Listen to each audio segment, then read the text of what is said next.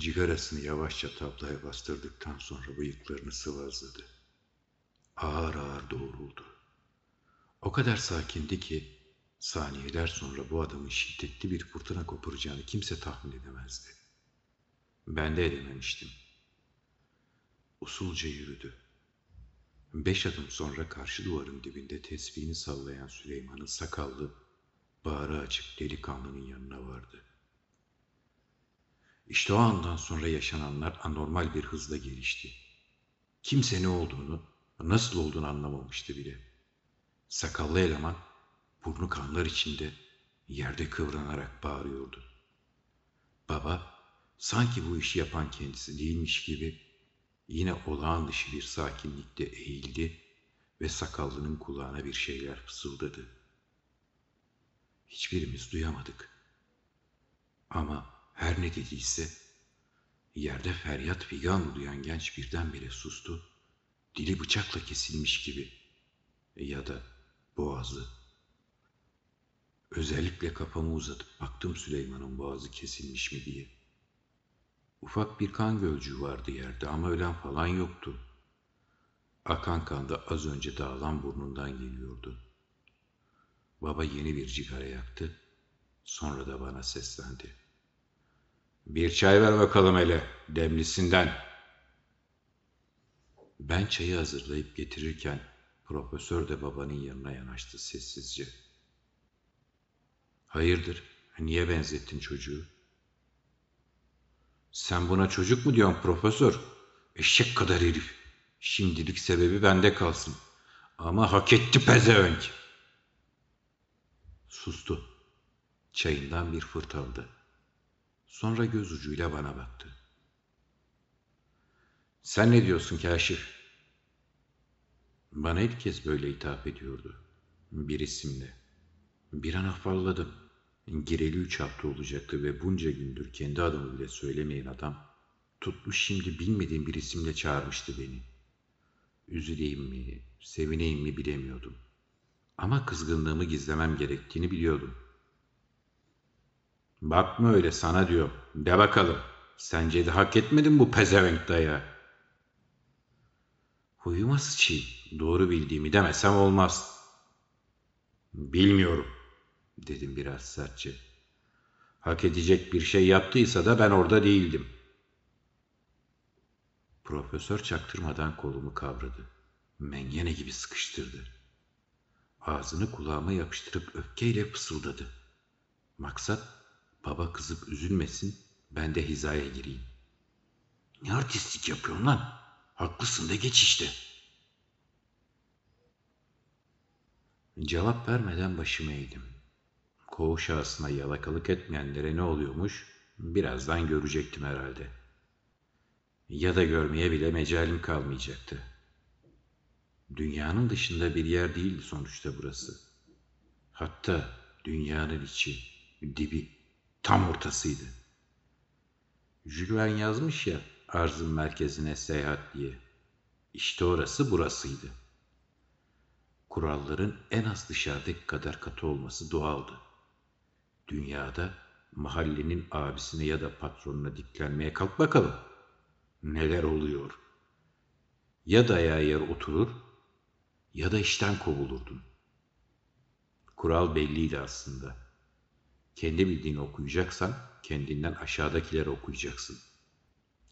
Hele burada, bu karanlıkla, suçla, kanla dolu yerde burnunu dikine gidenlerin sonu o sırada gıcırtıya benzer bir ses geldi kulaklarımıza. Kafalar hafiften o yana çevrildi. Babanın az evvel burnunu dağıttığı eleman inliyordu. Gidin götürün şunu ağzını burnunu temizleyip düzelsinler diye çıkıştı baba. Hemen oradaki üç mahkum seferber olup Süleyman'ı kolundan tuttular, yaka paça revire götürdüler.'' Onlar gittikten sonra baba profesöre döndü. Bırak çocuğun kolunu profesör. Haklısın demek zorunda mı herkes? Profesör bir gıdım uzaklaştı yanımdan. Tam o sırada kapının dışından Süleyman'dan bir inilti daha yükseldi. Bu kez kimse dönüp bakmadı bile. Gözler babadaydı. Beni birazdan güzel bir benzetecekti. Kesinlikle şüphem kalmamıştı. Benim için profesöre posta koyması falan bu iyilik hayra alamet değildi. Korkuyordum. Herkesin gözünün önünde benden taş çatlasın iki yaş büyük Süleyman'ın suratını dağıtmıştı. Hele üç hafta önceki olayı nasıl olup da yok saymıştım. Adem'in karısına musallat olan o herifin ölüm haberini aldıktan sonra babanın gözlerinde gördüğüm parıltıyı nasıl unutup bugün böyle bir tensizlik etmiştim. Profesör haklıydı. He deyip geç işte. Bok mu var da karşı geliyorsun? Huyuma sıçayım. Baba cigarasını hasretlik çeker gibi çekti içine. Nefesini vermesiyle koğuş saniyesinde dumana boğuldu. Sonra seslendi.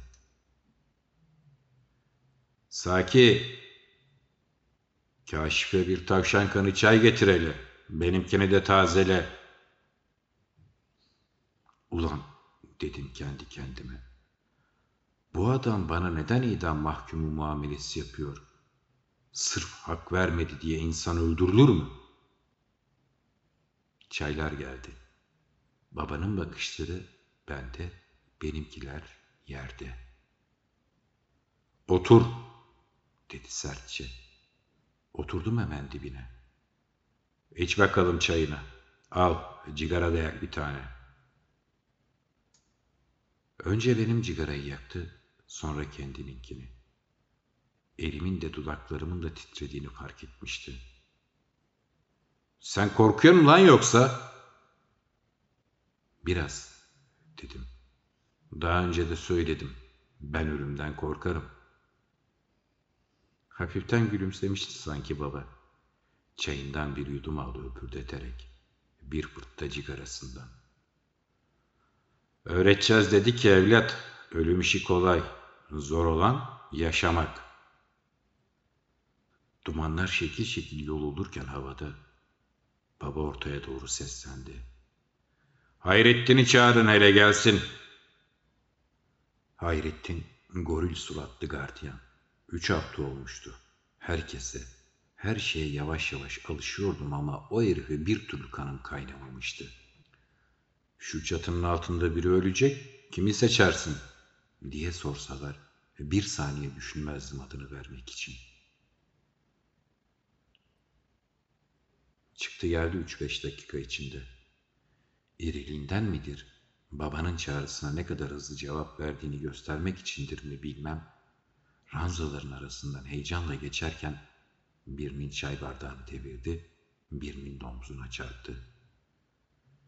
Nihayetinde geldi dikildi önünde babanın. Hayırdır baba, bir durum mu var? Baba son derece duygusuz, taştan bir heykel gibi bekledi gardiyanın soluklanmasını. Diyelim ki var lan Hayrettin, durumu sen mi düzelteceksin? Şey, beni acil çağırınca sandıydım ki, az önce kapıdan çıkan lavuk var ya, ağzını kapatmış it gibi kıvranıyordu hani. Süleyman mı? Bir kusur ettiyse söyle keseyim hesabını hemen itin. Baba bıraktı dumanlı nefesini gardiyanın yüzüne. Gözlerinde yine bir parıltı. Lan başlama yine. Kendi hesabımızı kesecek kadar gücümüz yerinde evvelallah. Hayrettin fena bozulmuştu. Kıpkırmızı bir surat, mırıl mırıl cümlelerle bir şeyler gevelemeye çalıştı. Onu babanın karşısında ilk kez bu kadar cesur gördüm. İlk kez ve son kez. Baba ayıp olmuyor mu herkesin içinde? Baba duymazlıktan geldi bu mırıltıyı. Belki hakikatten de duymadı. Şimdi merak ediyorsundur. Bu adam beni apar topar niye çarptı diye. O an göz ucuyla koğuşu yokladım. Şems tün sarıyor, kaytan tıraş oluyor, gezgin güya duvara bir şeyler çizittiriyordu ama aslında kim var kim yoksa muhabbete kulak kesilmişti. Bir şeyler olacaktı. Ben dahil hepimiz seziyor ve bekliyorduk. Bu işin sonunda sağlam bir dayak yiyeceğimden hala emindim. Sana bir sorun var Hayrettin kardeş. Diyerek sözlerine devam eden baba bir elini omzuma koydu.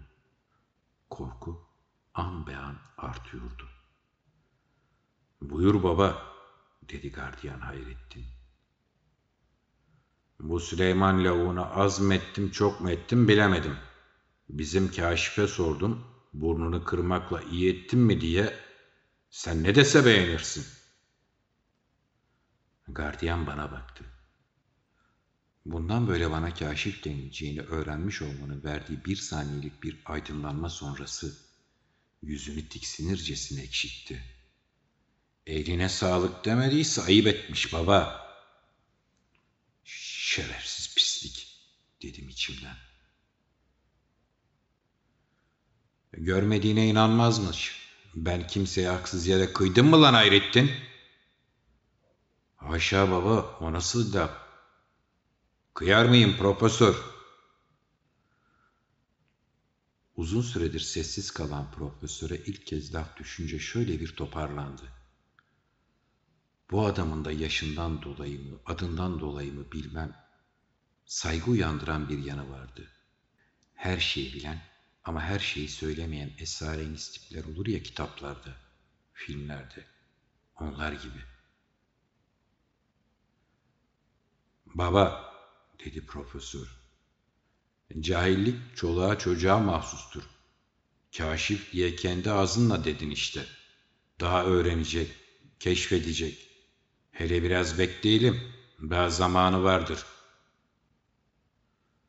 Ulan profesör, adının hakkını ne de güzel veriyorsun. Döktürdükçe döktürüyorsun.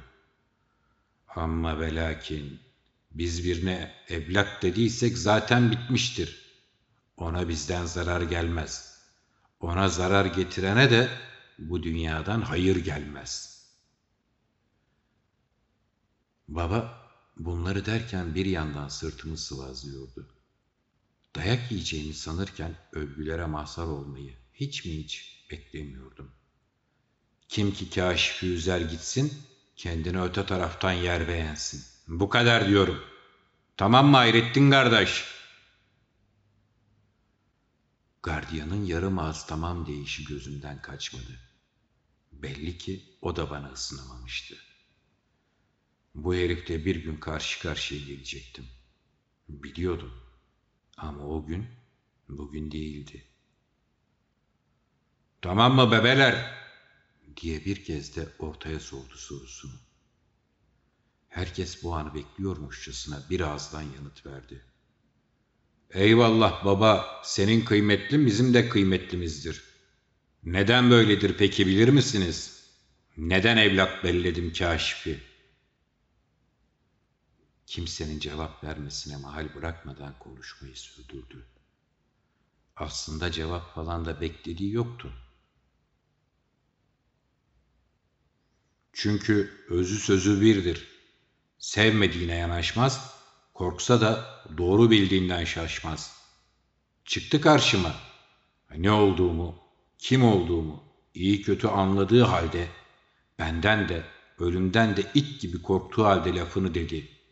Ha, edebini de bozmadı Allah için. Bana böylesi gerekir.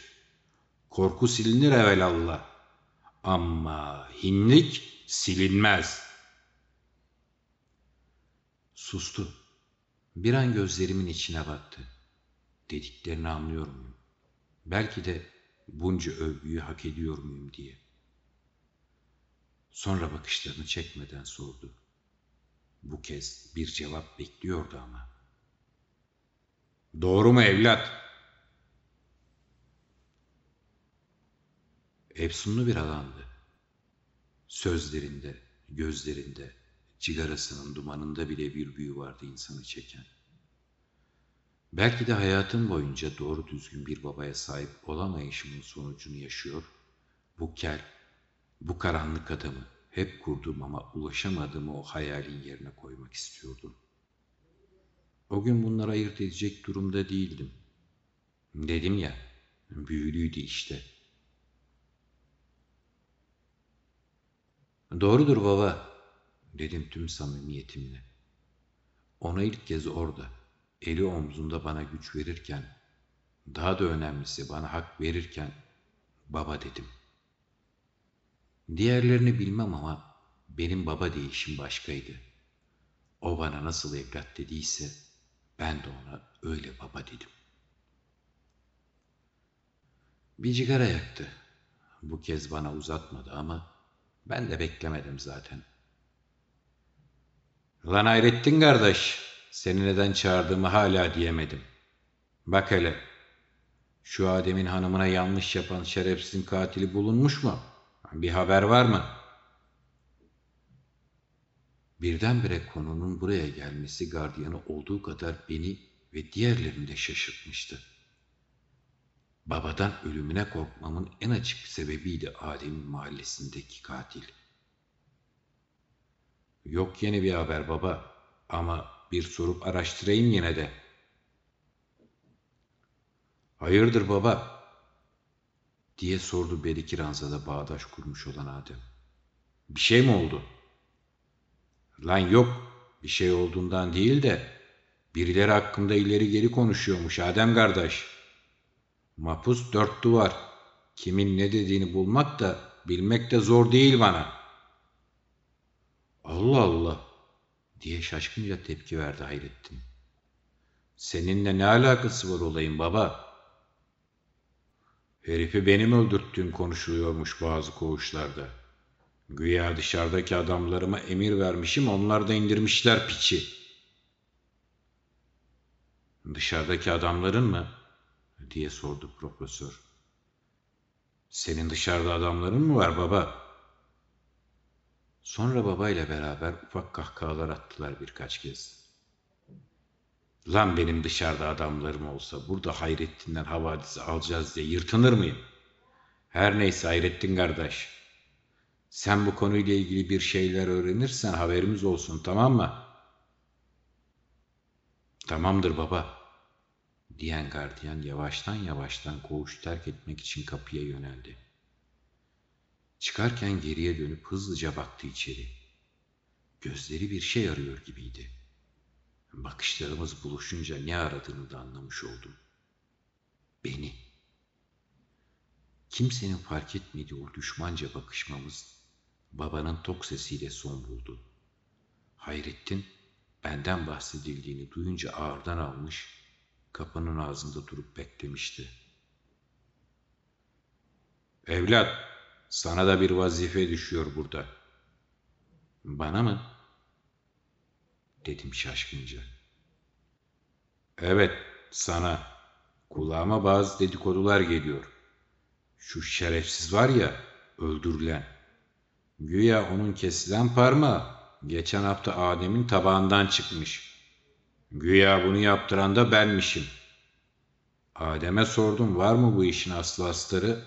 Çıktı mı tabağından o itin parmağı diye? Yok dedi. O halde birileri benim kuyumu kazıyor. Olmayanı olmuş gibi gösterip beni gömeceğini sanıyorlar akıllarınca. Ortalık bir anda buz gibi sessizliğe büründü. Demek sadece ben değildim böyle düşünen.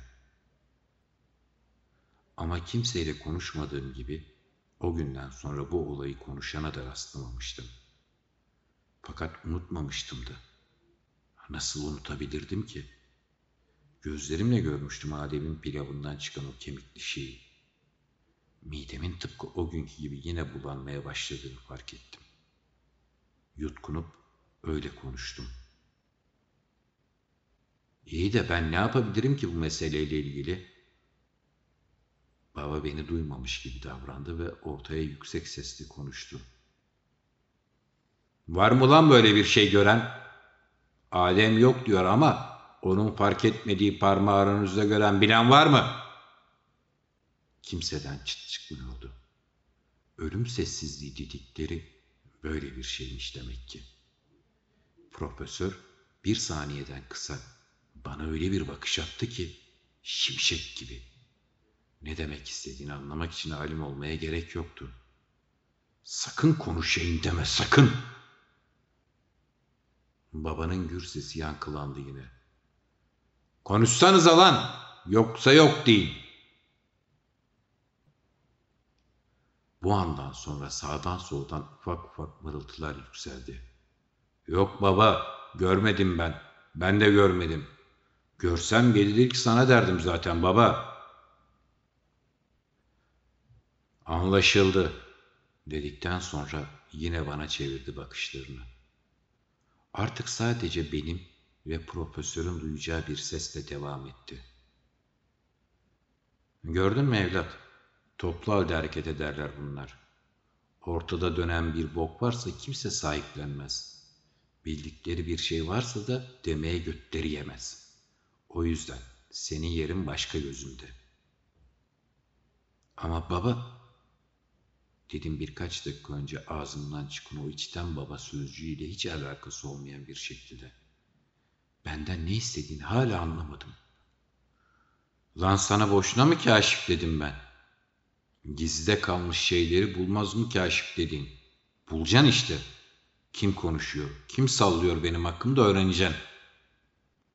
Ama ne Adem abi tanırım ne de diğerlerini hem... Lafımı tamamlayamadan koğuşun kapısı açıldı. İçeri Süleyman ve onu revire götürenler girdi. Burnuna şekilsiz bir sargı bezi, üzerine de büyükçe bir bant yapıştırılmış. Ağzı yüzü yıkanıp kanlar temizlenmişti. Baba onu görünce gülümsedi.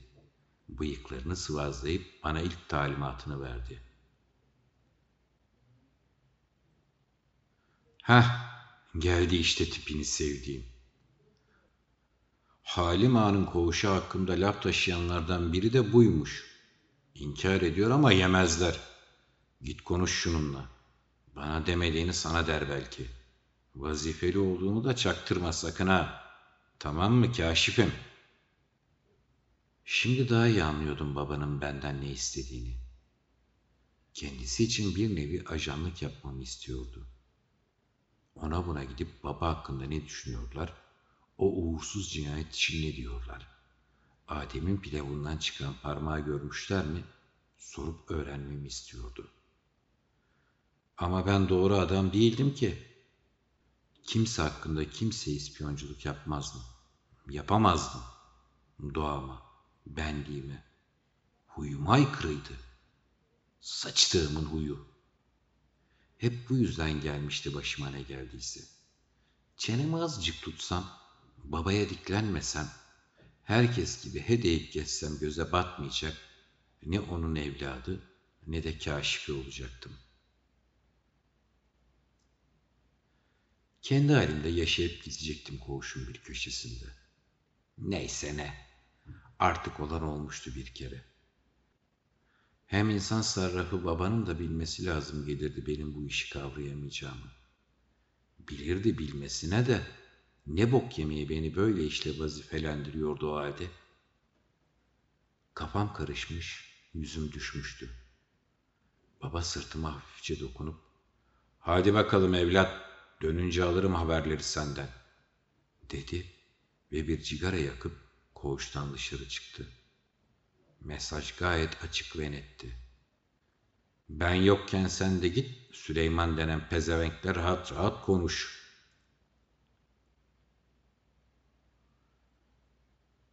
İçimde bir bunaltı, aklımda parmağı kesilerek öldürülen herif. Kulaklarımda babanın sözleri. Utana sıkıla Süleyman'ın yanına vardım. İşin doğrusu babanın verdiği görevi yerine getirmek zerre kadar umurumda değildi. Deli gibi merak ettiğim bir şey vardı. Belki de adımın hakkını vermeye çalışıyordum. Keşfediyordum. Palavradan ettiğim geçmiş olsun, sıkma canını baba affeder gibi bir iki sözden sonra merak ettim asıl soruyu sordum Süleyman'a. Feryat figan acı içinde kıvranırken baba kulağına bir şey söyledi de sen de birdenbire sustun ya Süleyman kardeş. De bana neydi o? Baba ne söyledi ki bembeyaz kesildim birden? Süleyman'ın yüzü acıyla gerildi. Bunun sebebinin parçalanmış burun kemiği olmadığını biliyordum. Gözlerinden gölgeler gelip geçti. Sabırla bekledim. Konuşmadan, hiçbir şey demeden. Sabırla ve ısrarla. Etrafa göz gezdirdi. Bizi dinleyen biri olmadığına kanaat getirince fısıltıyla cevap verdi. Bak birader, bu adam psikopat. Sana yemin ediyorum bu herif bir gece kafasını eser, yataklarımızda hepimiz doğrar. Üzerine de kanımızı içer. Sonra da hiçbir şey olmamış gibi siktir olur gider yatağına mışıl mışıl uyur. Benim sana diyeceğim uzak dur ondan. Ne yap et uzak dur. Babanın o hali canlandı gözümde. Gecenin bir yarısı elinde satır kesip doğuruyor koğuştakileri ve ne korkunçtur ki sakinliğinden zerre kadar taviz vermiyor. Daha da korkuncu bu hayale hiç şaşırmamış olmamdı. Şimdi beni boş ver kardeş. Baba ne dedi sana onu söyle bir hele. Süleyman bana acıyarak baktı. Sonumu hayır görmüyordu belli ki. Sonra biraz daha yanaştı ve seni iyice yamacına almadan kaç kurtar kendini lan. Bilsen ne olacak, ne değişecek, dedi. Belki kaçıp kurtulmama faydası olur. Belki bilirsem uzaklaşırım ondan. İyi aç kulağını o halde, diye devam etti. Senin, dedi. Sağda solda konuşan o dilini doğrar, en yakın arkadaşının yemeğine koyarım. Ne görüp duyduysan susacaksın. Cinayet işi şakaya gelmez bilesin, dedi. Süleyman bunları derken yüzü yine küle dönmeye başlamıştı. Allah için baba iyi korkutmuştu elemanı. Peki bu bir itiraf mıydı? Baba, Adem'in mahallesindeki puştun ölüm emrini verdiği herifin parmağını da Adem'in yemeğine koyduğunu kabul etmiş oluyor muydu şimdi? Yoksa sadece bir gözdağı mıydı? Süleyman'a ve o yemekte bulunan pilavdaki parmağı gören herkese verdiği bir gözdağı mıydı? Konuşanı yakarım. Birden çok ani bir şimşek çaktı beynimde ve ulana siktir dedim kendi kendime. Bütün mesaj banaydı. O sahneden sonra sofradan apar topar kalkıp kusmaya giden bendim. Orada burada doğrucu Davut gibi davranan yine bendim. Kaşif ismini alıp Süleyman'la konuşmaya yollanan da bendim. Güya adamı bellemişti beni baba. Güya evlat deyip yanına yakınını almıştı. Ama aslında hepsi bir uyarıydı. Eğer burnunun dikine doğru bildiğini okuyacak, gördüğünü bir kişiye dahi anlatacak olursan başına gelecekleri Süleyman'dan öğren.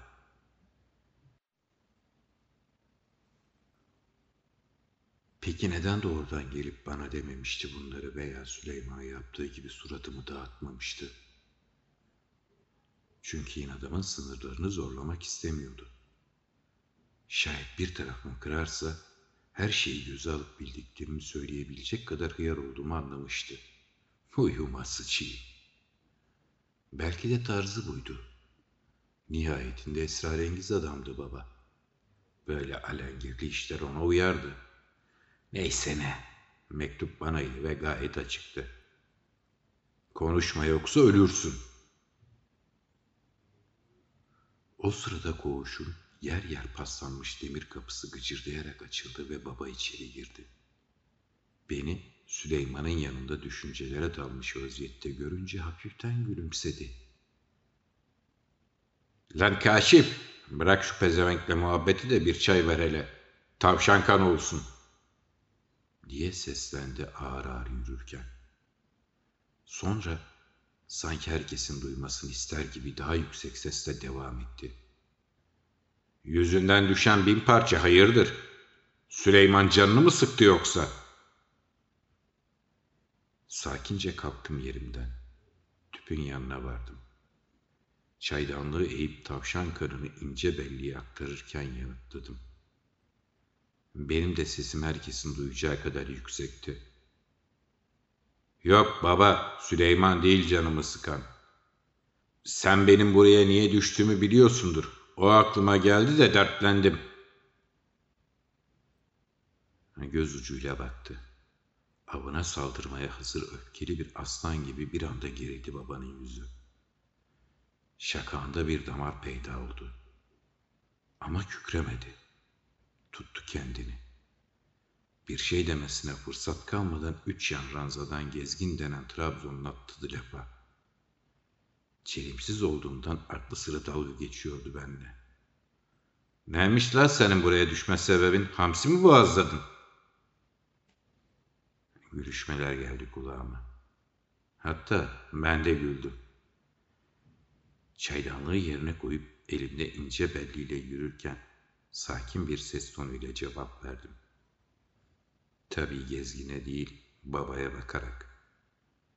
Madem bana bir mektup yazılmıştı, benim de bir cevap vermem gerekiyordu nihayetinde. Babamı öldürdüm.